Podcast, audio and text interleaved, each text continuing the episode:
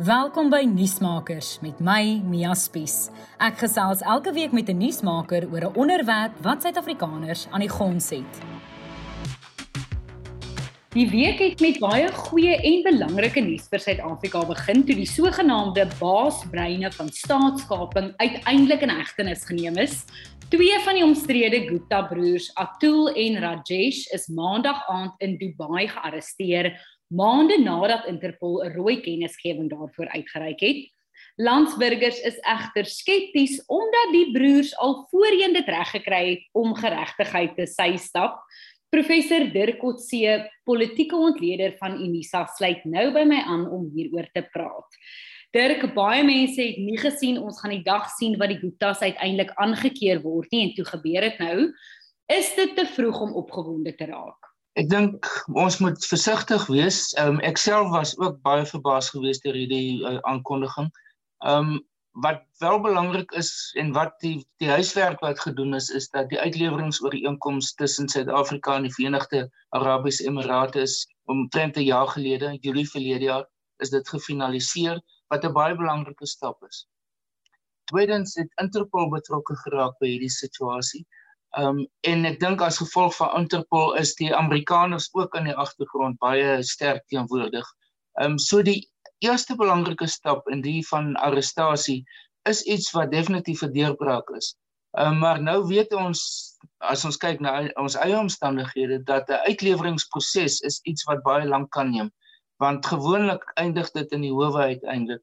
Ehm um, die verskil tussen Suid-Afrika en byvoorbeeld Dubai is dat Suid-Afrika het 'n konstitusionele bedeling wat aan die beskuldigdes of die persone wat geraak word daardeur oneindig baie regte gee.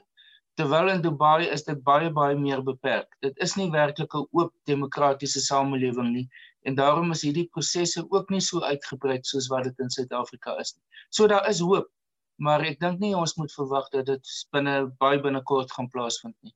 Dirk, weet ons presies waarvoor hulle vasgetrek is? Ek dink daar's daar's 'n uh, verwysing na die uh, sommige sake veral die in in die uh, die melkry saak in in die Vrystaat Estina. Ehm um, maar daar verder aan dink ek is dit relatief oop. So ek dink dit is net nodig vir dat ten minste een saak gespesifiseer word of een aanklag gespesifiseer word. Um, maar dit beteken nie dat dit daarbey beperk kan word nie. So dis dis eintlik die puntjie van die ysberg in die die begin van die proses.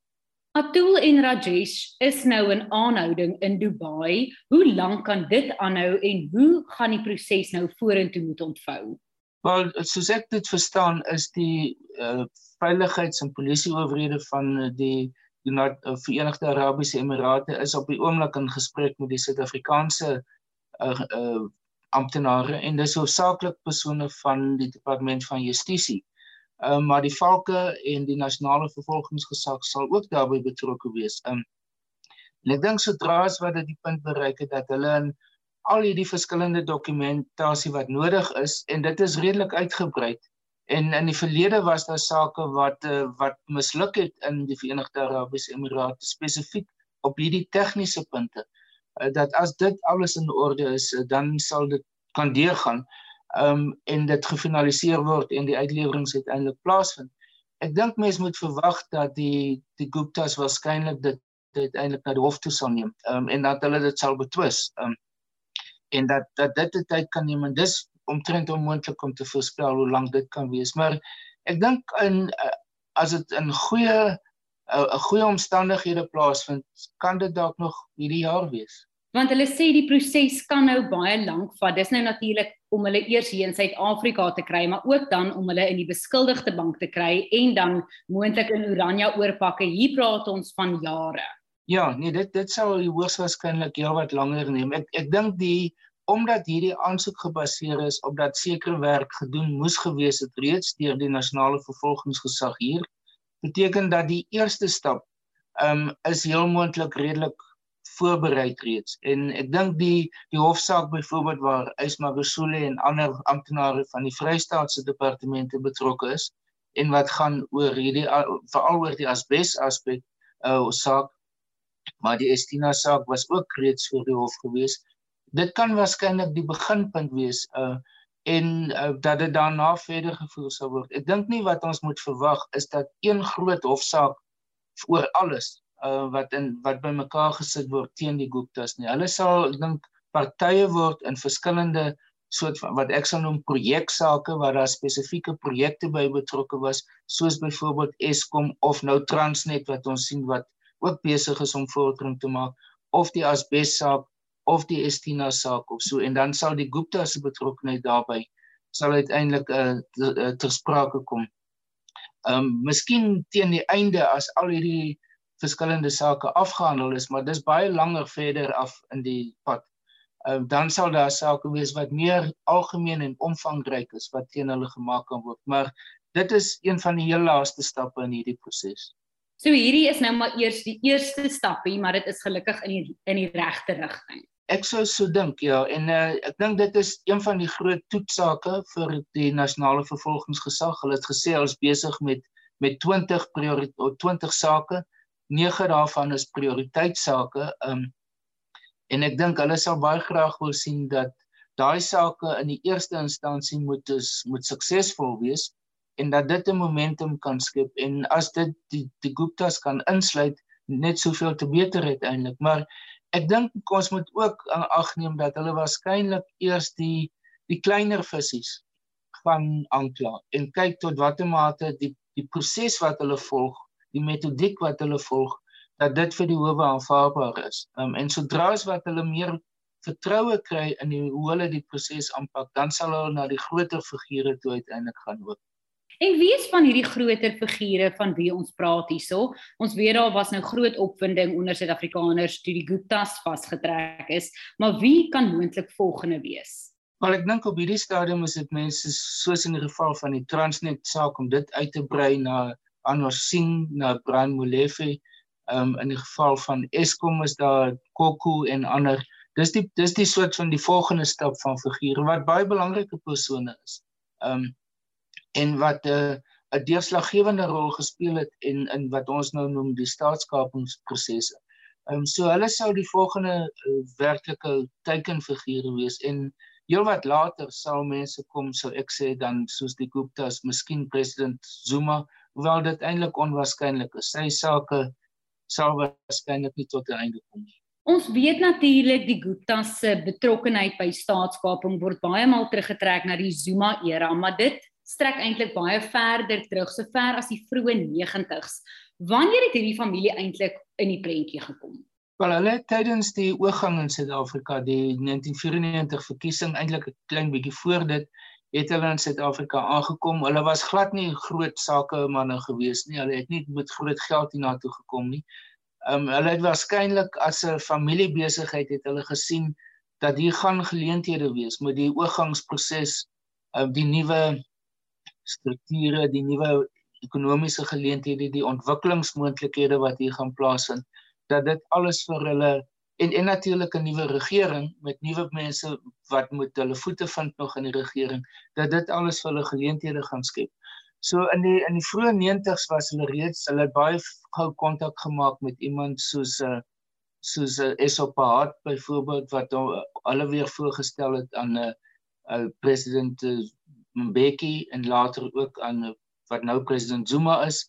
Ehm um, en een van die uh, paat uh, in een van die uh, Gupta broers was ook vroeg aangestel deur president Mbeki op sy internasionale bemarkingsraad wat 'n uh, internasionale liggaam was wat hy saamgestel het om Suid-Afrika in die buiteland te bevorder in ekonomiese terme, handelsterme, toerisme terme ensovoorts. So hulle was op 'n vroeë stadium met hulle reeds betrokke geraak. Um president Zuma het hulle ook mee betrokke geraak terwyl hy nog in die provinsiale regering van KwaZulu-Natal was in die 1990s. Um so dit gaan 'n baie lank pad terug. Hulle het dan natuurlik oor 'n paar dekades baie groot skade aangerig in Suid-Afrika. Um ons as mens net byvoorbeeld dink aan die kaping van staatsinstellings soos Eskom en Transnet, kan mens enigstens 'n pryswaarde op die skade sit? Nee, dis totaal onmoontlik. Ek dink dit is onbeperk eintlik in want baie van die skade is ook indirek van aard. Dit is nie iets wat ons direk in terme van verlies van byvoorbeeld geld binne 'n begroting van van Eskom of uh kontrakte wat aangegaan is en wat uh waarvan die waardes heeltemal verhoog is byvoorbeeld die lokomotief uh uh kontrak vir vir Transnet uh, of en vir Prasa. Dit is nie daar's baie meer is dit. Byvoorbeeld die feit dat hulle uh die uh, inkomste diens uh, uh, dat hulle dit ge omtrent geïnfiltreer het um, dat hulle mense wat met baie kundigheid is verloor in die proses um, dat die kapasiteit van uh, van SARS tot 'n groot mate tot 'n uh, amper tot 'n einde gekom het um, en dat dit totaal van voor af moes opgebou word nou na die tyd dit is is onmoontlik om in koste terme uit te druk um, die die die die probleme wat Suid-Afrika beleef in terme van die reputasie wat Suid-Afrika, die feit dat Suid-Afrika geassosieer word nou baie meer met korrupsie as wat dit van tevore is. So die reputasiekoste is ook iets wat ons onmoontlik is om in rand en sent terme uit te druk. So dit is dit gaan werklik diep in die die invloed wat dit nou het op byvoorbeeld die feit dat mense sonder om te bloos ehm um, korrupsie kan pleeg op plaaslike owerheidsvlak dat die die die wat ons gesien het tydens die pandemie, die COVID-19 pandemie en die misbruik van geld daar. Dit alles is byprodukte sou ek sê van die staatskapingskultuur wat oor tyd tot stand gekom het wat gesê het om in korrupsie betrokke te wees is nie 'n problematies nie. Dis eintlik 'n pluspunt. Die Verenigde Arabiese Emirate het hulle deel gedoen. Dit is nou in die hande van die Departement van Justisie en die nasionale vervolgingsgesag hier op eie bodem. Kan mens verseker weet dat daar nie weer inmenging gaan wees soos wat ons voorheen gesien het nie? Ja, dit kan 'n mens nie heeltemal uitsluit nie. Ehm um, ek meen ons leef in 'n omgewing wat baie dinamies is, wat daar wat baie gepolitiseer is waar daar groot polarisering binne die ANC en die regering en amper die samelewing in 'n groot mate oor hierdie sake bestaan. Daar's baie mense wat baie gevestigde belange het wat hulle probeer beskerm um, en enigiets sal doen om te probeer laat hierdie proses uh, nie slaag nie um, en nie tot 'n einde kom nie. So daar's daar's al die redes om te verwag dat dit nie 'n gladde proses gaan wees nie. Um en dat uh, dit moeilik gaan wees ook om byvoorbeeld getuies te kry altyd wat selfs getuies wat nou beskikbaar sal wees maar as dit baie nader aan die datum van die hofsaak kom onder soveel druk is dat hulle gaan onttrek. So ek ek dink mense moet verwag dat dit 'n proses gaan wees wat baie stamperig gaan wees um, en wat baie uitdagings vir die nasionale vervolgingsgesag het. Maar ek dink dis die hoof een van die redes hoekom ek sê hulle waarskynlik met makliker sake in aanhalingstekens gaan begin om eers hierdie probleme te probeer uitsorteer en om dit te kan antisipeer as dit by die meer hoë profiel sake kom. Dirk, die staatskapingskommissie het Suid-Afrika miljoene gekos en dit het natuurlik jare lank voortgeduur. Wys hierdie arrestasie dat ons nou die vrugte daarvan begin pluk? Ja, dis een deel daarvan. Uh, ek dink ongelukkig baie mense sien dit as die enigste toets van die sukses van die Zondo-kommissie vir my is die sondekommissie gaan strek baie wyer. Ehm um, en dit is dat die sondekommissie het dit vir ons blootgelê wie en wat die eh, die Guptas was, wie en wat president Ramaphosa uh, Zuma gedoen het, wie en wat in by Eskom plaasgevind het, um, en daarbey betrokke was. En dieselfde met 'n ander groot groep. So die dit is ek noem dit dikwels dis 'n tipe van 'n waarheidskommissie oor korrupsie wat in Suid-Afrika plaasgevind het in vir amper 4 jaar amper daagliks op televisie was soos dat enige iemand in die publiek dit kon volg en kon waarneem en kon leer daardeur. En dit is iets wat weer eens waaraan daar nie 'n prys gekoppel kan word nie, maar dis iets waar waarvan wat Suid-Afrika en die Suid-Afrikaanse publiek nie sonder kon klaarkom nie. Dit het ons in 'n sekere sin opgevoed oor hierdie situasie en hierdie prosesse en wie daarbey betrokke is en natuurlik ook hopelik wat om in die toekoms nie te doen nie. Wat is die gevare wat betrokke is by hierdie tipe van praktyke? So dit is iets wat na my mening in die toekoms net meer en meer waarde gaan toevoeg. Um en die beoordeling van die sondekommissie gaan meer en meer positief word veral in die buiteland. Ehm um, dis dis die ironie dat mense in die buiteland sien groter waarde in hierdie prosesse as wat ons self dit sien. 'n Baie duur les wat ons geleer het.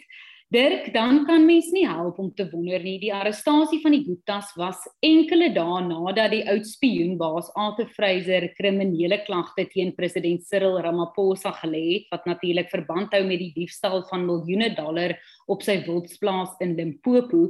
Is hierdie blote toeval? Ja, ek dink dit gaan moeilik wees om op hierdie stadium te sê. Later gaan ons dalk meer sekerheid of duidelikheid hê oor dit dit lyk asof daar 'n indirekte verband is. Uh, ek dink 'n element wat mense nog moet byvoeg by dit is dat uh, die hofsaak in die appelhof um waarin Arthur Fraser betrokke is en waarin sy mediese parol wat hy aan president Zuma toegestaan het, dat dit ook daar te sprake is. So daar is 'n hele paar faktore wat nou gelyktydig op die tafel is. Um en dit is onmoontlik om dit totaal van mekaar te isoleer. So ek dink daar's definitief 'n element wat wat ek sê wat wat 'n mens kan sê wat hier ter sprake is van van verbinding wat daar tussen hierdie uh, sake is. Um ek dink iets wat wat 'n mens ook moet in ag neem is dat dit daar hierdie insident op president Ramaphosa se plaas 2 jaar gelede plaasgevind. Um en die vraag is hoekom is dit nou dat dit uitkom? Dit val saam ook natuurlik met die ANC se interne prosesse om hulle kandidaate te identifiseer vir die nasionale konferensie aan die einde van die jaar. En as die op sy staan reël byvoorbeeld op president Ramaphosa van toe, toepassing word en dit is net as hy in 'n hof aangekla gaan word, dan beteken dit dat hy outomaties gediskwalifiseer word om as kandidaat as presidensiële kandidaat aan die einde van die jaar te kan staan. So daar's definitief baie redes en vermoedens hoekom daar 'n verband tussen hierdie verskillende elemente is. En ek dink wat Suid-Afrikaners die heeltyd net voor oog moet hou is dat daai ANC presidentsverkiesing hierdie jaar plaasvind. Ja, dit is die geval. Dit is waarskynlik een van die grootste en belangrikste besluite wat in in die volgende paar jaar gaan plaasvind. Ehm um, dis vir die volgende 5 jaar, dit sal die tweede termyn vir president Ramaphosa wees, ehm um, as ANC president.